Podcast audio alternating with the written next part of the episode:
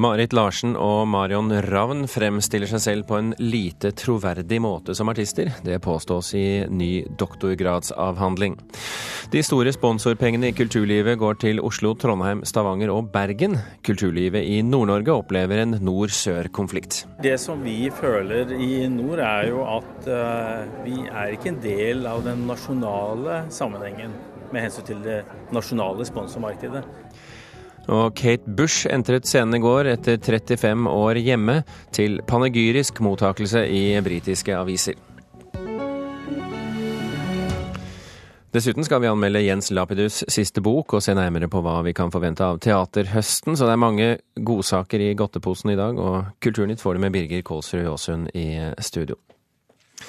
Marit Larsen har et eh, oppkonstruert image. Det hevder musikkviter Jon Mikkel Broch Aalvik, som i en ny doktorgradsavhandling ved Universitetet i Oslo har undersøkt hvordan kvinnelige artister fremstiller seg selv.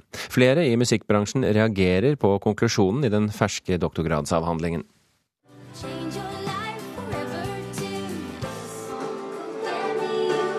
Det er godt mulig Marit Larsen er ekte og ærlig i denne videoen. Men samtidig så er figurene hennes så tvetydig at hvis hun bare er seg selv i denne videoen her, så er hun i så fall upålitelig. Musikkviter Jon Mikkel Broch Aalvik har brukt tre år på å studere musikkvideoer, tekster og omtaler av Marit Larsen. Nå har han skrevet en doktorgrad om hvordan hun og artistkollega Marion Ravn har bygget popstjernepersonlighetene sine. Måten artistene fremstiller seg selv på er oppkonstruert, mener Aalvik. Hovedkonklusjonen er vel at eh, vi kan ikke vite om det er noe under overflaten hos verken Marit Larsen eller Marion Ravn. Påstander om at de to bare er seg selv, kan vi egentlig ikke feste lit til ut fra det vi ser og hører som de velger å vise oss. Musikkviteren mener flere kvinnelige artister ønsker å fremstille seg som ekte og naturlige i offentligheten, et image som ifølge Aalvik har lite med virkeligheten å gjøre. Det gjelder overraskende mange når jeg først begynte å se etter. Spesielt Marit Larsen som soloartist har bidratt til å popularisere den måten å omtale seg selv på for kvinnelige artister. F.eks. Ved, ved å påstå at, de, at, det er en ekthet eller en ærlighet der. Men det er fortsatt bare måten de omtaler seg selv på, ikke noe de viser. Et eksempel som jeg er blitt spesielt begeistret for, det er Hanne Sørvåg. Eh, på den ene siden så er hun utrolig teatralsk. På den andre siden så er hun i countrysjangeren, som på en måte er hun alltid betinget av ideen om at eh, her, er det, eh, her snakker artisten sant. Nei, jeg syns ikke at artistene er oppkonstruert. Jeg syns det er en forsterkning av den jeg er. Jeg er òg personlig i tekstene mine, så for meg så er det viktig å, å være meg sjøl. Sier artisten Hanne Sørvåg, som er kritisk til Aalviks påstander. Jeg syns at det virker som om det er mye hans personlige meninger. Eh, og det slår meg som mer synsing enn forskning. Og Sørvåg får støtte fra flere i musikkbransjen. Gunnar Greve er manager for flere artister og kjenner bransjen godt, men han kjenner seg ikke igjen i Aalviks konklusjon. Han mener musikkviteren burde ha spurt musikerne selv om imagebygging. Jeg syns iallfall det er eh, noe betenkelig at han konkluderer så bastant. Eh, eh, når han åpenbart ikke har snakket med noen av de to personene og artistene som han legger til grunn i den forskningen og det arbeidet han har gjort. Eh, så det er nok noe jeg og jeg tipper en del andre vil reagere på. Når en forsker kommer med sitt forskerblikk og sin forskerpenn og påstår noe som artisten selv ikke står inne for, så skjønner jeg veldig godt at artisten blir provosert. Men det håper ikke det betyr at forskeren alltid tar feil og artisten alltid har rett. Det sa musikkviter Jon Mikkel Broch Aalvik. Verken eh, Marit Larsen eller Marion Ravn ønsker å kommentere denne saken. Reporter Christian Engebretsen og Halvor Haugen.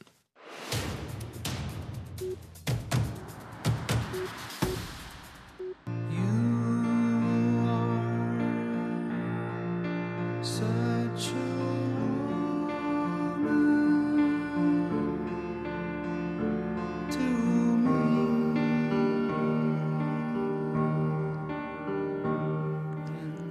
Such A Woman, synger den canadiske rockeren Neil Young. Nå skal han skilles fra kvinnen som sies å være inspirasjonen til denne låta, kona Peggy Young. Paret har vært gift i 36 år og har to voksne barn. Peggy har inspirert Neil til å skape kjærlighetssanger som denne her, 'Such a Woman', 'Unknown Legend' og 'Once an Angel'. Det skriver musikkmagasinet Rolling Stone. Hun begynte som kordame i Youngs band på 1990-tallet, og de to har turnert sammen i over 20 år. Peggy Young har også gitt ut flere soloalbum. Flyselskapet Widerøe har erstattet båndene med sikkerhetsinformasjon på normert østnorsk med informasjon på seks ulike dialekter. Flypassasjerene følger bedre med når sikkerhetsinformasjon blir gitt på dialekt. Det mener kommunikasjonsdirektør Rikard Kongstein i Widerøe. Jeg tror det at eh, hvis det er den samme kjedelige, eh, nøytrale bokmålsdialekta som går om igjen og om igjen år etter år, så slutter jo folk å lytte. Derimot, når det kommer da en Stavanger-dialekt, eller en fra Florø eller en fra Helgeland som eh, tar sikkerhetsinstruksen, så blir man automatisk litt mer interessert og lytter litt bedre til det. Konkurrentene Skipsted, VG og TV 2 mener at NRK går ut over sitt oppdrag ved å konkurrere mot nettavisene. Det skriver Dagens Næringsliv i dag. Utspillene er høringsuttalelser til kulturminister Toril Vidvei, som skal gå gjennom eh, NRK-plakaten. Eh, plakaten skal definere NRKs samfunnsoppdrag, og høringen er et ledd i regjeringens arbeid med en ny politikk for lisensfinansiert kringkasting. Høringsfristen eh, gikk egentlig ut i går, men er utsatt til 3. september. Samtidig som regjeringen gir beskjed om at kulturlivet må belage seg mer på private penger, sliter kulturinstitusjonene i Nord-Norge med å få tilgang til sponsorpenger fra nasjonalt næringsliv. Dette er i ferd med å bli en nord-sør-konflikt, mener aktørene i nord. Det som vi føler i nord, er jo at uh, vi er ikke en del av den nasjonale sammenhengen med hensyn til det nasjonale sponsormarkedet. Vi har liksom i stor grad uh, vært nødt til å henvende oss utelukkende på det regionale markedet. Det sier Tor Lægreid, direktør i NOSO, Nordnorsk opera- og symfoniorkester. Han får støtte fra Morten Hjelten, direktør i Norsk teater- og orkesterforening. Om det ikke er en konflikt, så er det i hvert fall helt tydelig. Altså når, vi, når vi undersøker sponsormidler på alle de store nasjonale og regionale um, kulturinstitusjonene, at de dessverre betyr veldig veldig lite for de aller fleste av våre, av våre medlemmer, både på teater- og orkestersiden og operasiden. At det er noen få institusjoner Eh, det Norske Opera og Ballett som i en helt egen særstilling, pluss andre store institusjoner i Oslo, Bergen, Trondheim og Stavanger, som henter ut mesteparten av det som er av sponsormidler i dag. I samarbeid med Hålogaland teater inviterte Leger Donoso i går til seminar for å diskutere det private sponsormarkedet for kulturlivet i nord. Det som gjør det vanskelig, er for det første de strukturendringene som har skjedd i næringslivet, hvor altså hovedkontorene er flyttet ut av landsdelen, og vi i stor grad må basere oss på på de gjenværende, og det er ikke så veldig mange. Sparebanken Nord-Norge er jo et hederlig unntak, men, men uh, bortsett fra dem, så er det ikke så veldig mange andre som er aktive innenfor dette feltet. Jeg har visst lovd meg bort til begge to. Og den ene skyr den andre som en bitt mann skyr en orm. Det er prøver på teatrets store høstsatsing, Kong Lear, i et av rommene ved sida av sponsordebatten. Og selv Shakespeares maktsyke konge hadde kanskje reagert når han hører at selv en nasjonal aktør som DNB ikke har noen av sine sentrale avtaler med kulturinstitusjoner nord for Trondheim. Man føler seg sikkert litt forbigått i og med at det er mange flere mennesker nede på Sørlandet, eller Østlandet. Så det er klart eh, Det er jo ikke så mye mennesker her, og vi har ikke så mange engasjementer her heller. Det har vi jo ikke. Sier Else Marie Johnsen, rådgiver samfunnsansvar i DNB. Men er antall mennesker helt avgjørende i forhold til eh, hvem dere sponser? Nei, Det har jo litt å si, selvfølgelig. Det har det. Men eh, det kommer selvfølgelig helt an på hva den som tilbyr, hva de har å tilby, er jo det som er viktig, og hva kan man få igjen. Så Vi har avtale med Riksteatret. Den gir oss det alibiet som vi har. Eh, og det er klart at det ligger mye lokalt også som ikke vi styrer. Det styrer de eh, herfra. Men om vi gjør så her men det er kanskje ikke så enkelt å skaffe regionale sponsorpenger heller. Sparebanken Nord-Norge trakk seg tidligere i år fra samarbeidet med Hålogaland teater. Når det gjelder de kommersielle samarbeidene, så, så, har det nok også hos oss vært en utvikling hvor vi er inne i færre samarbeidsavtaler i dag enn vi var for noen år siden.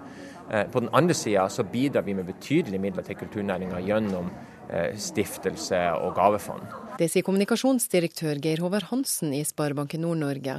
Han har en klar oppfordring til kulturaktørene. Kanskje bør flere innenfor kulturbransjen skaffe seg kompetanse på hvordan næringslivet tenker og jobber for å få til gode samarbeid med kulturinstitusjoner. Selvfølgelig prøve å bli flinkere og selge våre produkter og tjenester på en bedre måte. Men, men samtidig så må vi jo finne en avgrensning i forhold til integritet, den kunstneriske friheten som tilligger oss som institusjoner. Ja, Det sa til slutt Tor Legreid, direktør i NOSO, og reporter her det var Hege Irén Hansen. Moms på papiraviser vil føre til avisdød. Det tror SVs kulturpolitiske talsperson Bård Vegar Solhjell. Ifølge Klassekampen vil det trolig bli innført en felles momssats på 8 for papiraviser og nettaviser, og dermed vil ikke lenger det bli gjort forskjell på digitale og trykte utgaver av avisene. Det her kan ikke sikre norsk avisbransje. Jeg tror moms på papir, som de nå skal innføre, vil gjøre at mange aviser forsvinner. Det sier SVs kulturpolitiske talsmann Bård Vegar Solhjell. Ifølge Klassekampen i går ligger det nemlig an til at papiraviser og nettaviser vil få en felles momssats på 8 Men SV står fast på at det trykte ord ikke skal ha moms i det hele tatt. Jeg frykter òg at det kan komme kutt i pressestøtta ved sida av det her, som òg kan ramme aviser. Så det er ikke godt nok. Det er Høyre som gjennom forhandlinger med mediebedriftene har kommet frem til løsningen. Momsen på papir blir innført etter en femårig overgangsperiode, for i dag slipper papiraviser å betale moms.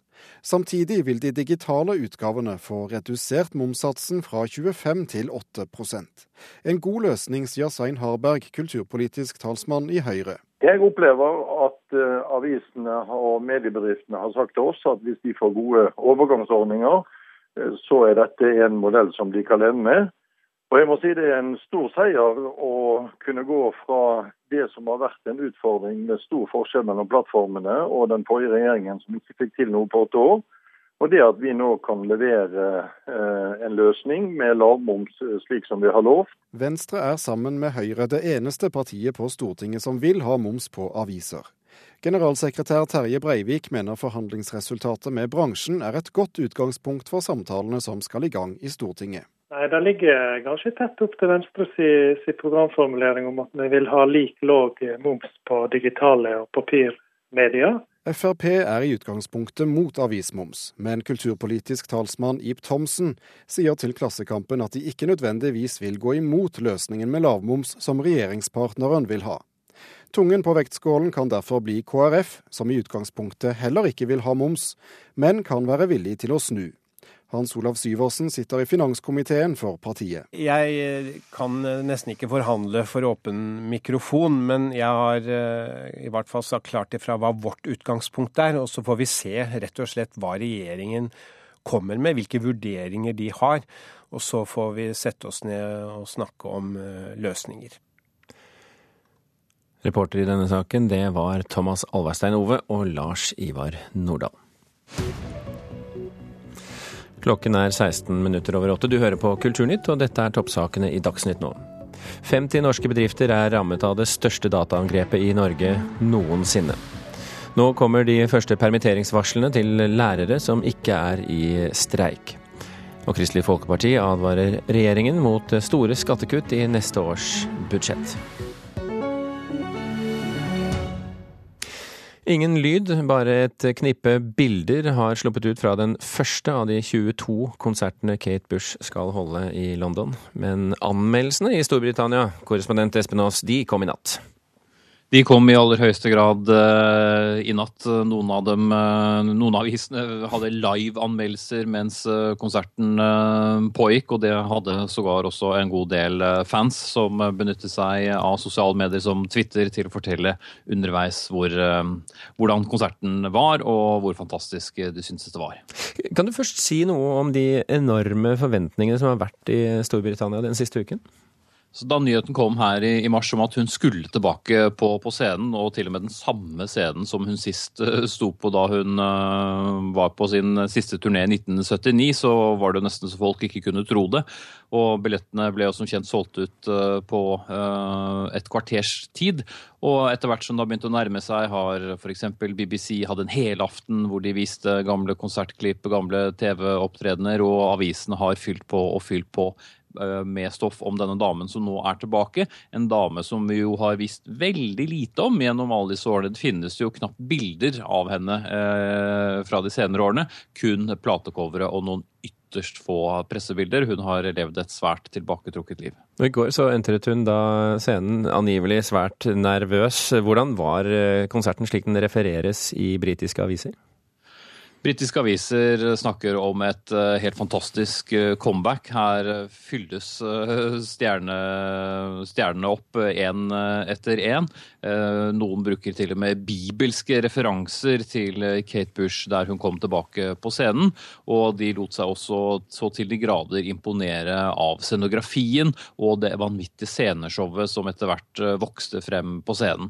Egentlig, som en avis skrev, så kunne hun jo gått ut på scenen og spilt et instrument i halvannen time og gått igjen, og det ville vært eh, nok. I stedet så fikk de mye, mye mer. Nå, nå, er det jo slik, eh, Espen, jeg vet at du skal på en av disse 22 eh, konsertene og må fortelle oss hvordan sceneshowet var kun fra referat. Men la oss prøve likevel. Hvordan så det ut på scenen i, i går? Altså det var jo en, eh, slik avisen beskriver i dag, en trans, transformasjon av utgangspunktet. Det som starter som en vanlig konsert med, med Kate Bush og musikere og hennes sønn bl.a. Uh, på koring. Men så eh, det, slik noen av de gamle konsertene hennes også var laget. Det vokser inn nye elementer, det er videoelementer, det kommer eh, fabelskapninger, det kommer hav. Eh, om å bli tatt med på en reise som gir deg mye mer enn en vanlig musikkonsert. Mye mer enn et vanlig comeback. Og Kate Bush er jo også kjent for å være svært, svært nøyaktig i alt hun gjør. Og disse installasjonene eh, bar også preg av det.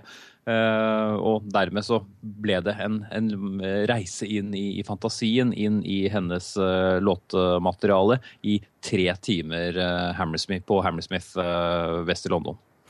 I, I, norske aviser, i motsetning til britiske, så var mottakelsen mer lunken. Jeg tenker meg en sånn terningkast fire jevnt over, hvor, hvor, den svært varierende kvaliteten blir fremhevet. Hva, hva forteller det deg at norske anmeldere er så litt mer dempet?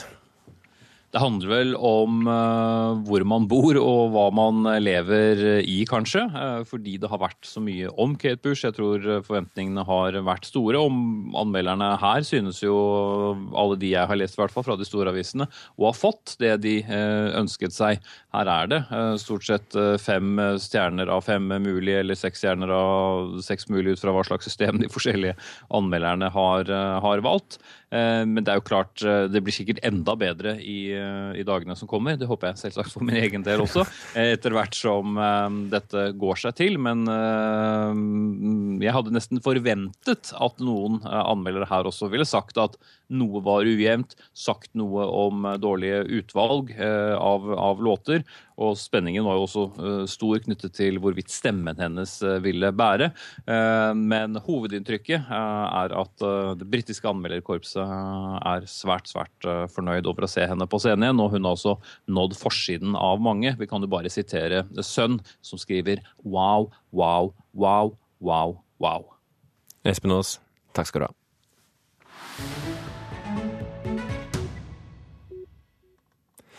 Bøkene til den eh, svenske krimforfatteren Jens Lapidus har gjort eh, stor suksess og er oversatt i 30 land. I sin nye roman VIP-rommet har han byttet ut persongalleriet fra de tre tidligere krimromanene fra den såkalte mørke Stockholm noir, og med badevannet har han også helt ut eh, noe av det han er mest kjent for, nemlig troverdigheten.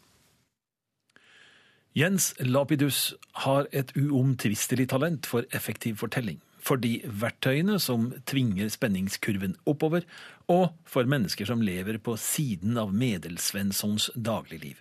Og i denne sammenhengen bør jeg legge til som lever på begge sider av dette dagliglivet. Under og overside, så å si.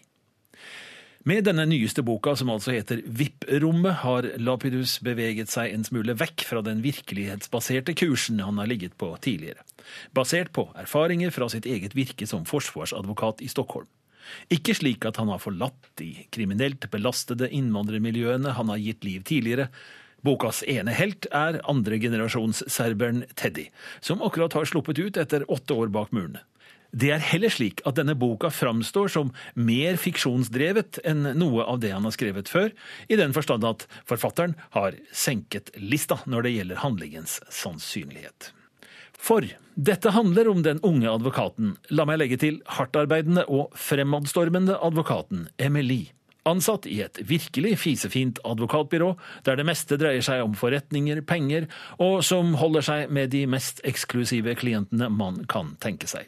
Og altså Teddy, den unge mannen som løslates til ingenting annet enn søsterens sofa, fast bestemt på at den kriminelle løpebanen slutter der. Som tilbys et slags konsulentoppdrag for nettopp det fisefine advokatbyrået. En av deres mest klassisk velstående og innflytelsestunge klienter mistenker at noe alvorlig har skjedd med deres sønn Philip. Han er borte. Sjefen gir oppdraget, finn Philip og finn ut hva som har skjedd, til Emily, og med klar beskjed om at hun skal samarbeide med Teddy. Det er her sannsynligheten glipper første gang, uten at det hele blir mindre spennende av den grunn, forutsatt at leseren i historiens premiss er villig til å gi slipp på en sånn finesse som den troverdigheten Lapidus har fått mye ros for tidligere. Samtidig blir det sosiale spennet i boka stort, og det er både interessant og iblant morsomt, selv om det igjen, på det psykologiske planet, glipper litt innimellom. Lapidus gir herlige beskrivelser av de gamle pengers inngrodde snobberi og menneskeforakt, om enn litt forutsigelig. Viktigere er Philip, den forsvunne, en ung mann åpenbart skadet av sin oppvekst i det grunnrike miljøet der stil og disiplin er grunnverdiene, menneskelig anstendighet underordnet. Under hele denne historien, som altså er riktig spennende, løper en tråd av mishandling og misbruk som Lapidus turnerer både innlevd og elegant. Han redigerer også denne teksten rytmisk og nesten filmatisk, selv om også det kan bli til maner når sceneskiftene er på sitt mest intense.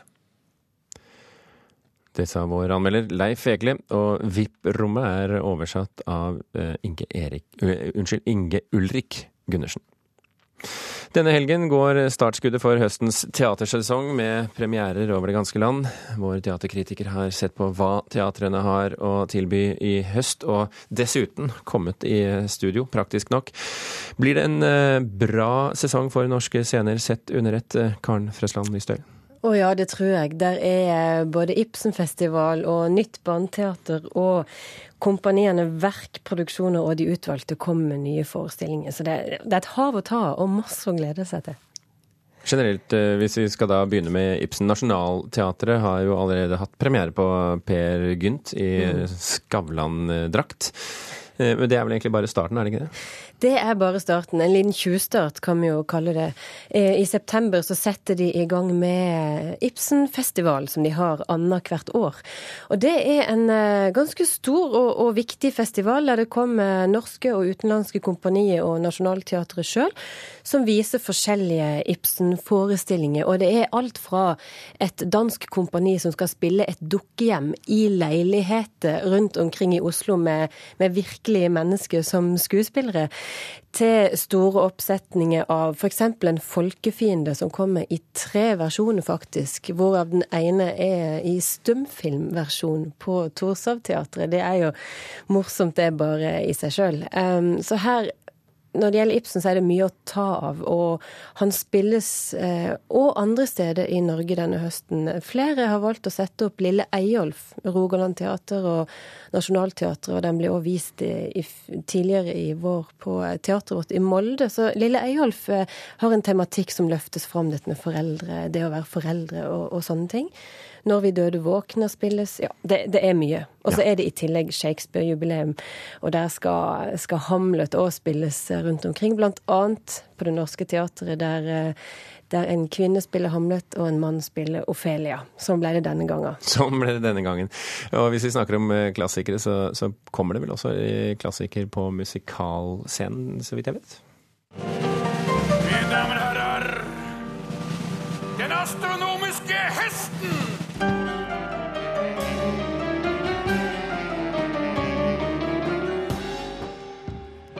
Hest, hvor gammel er du?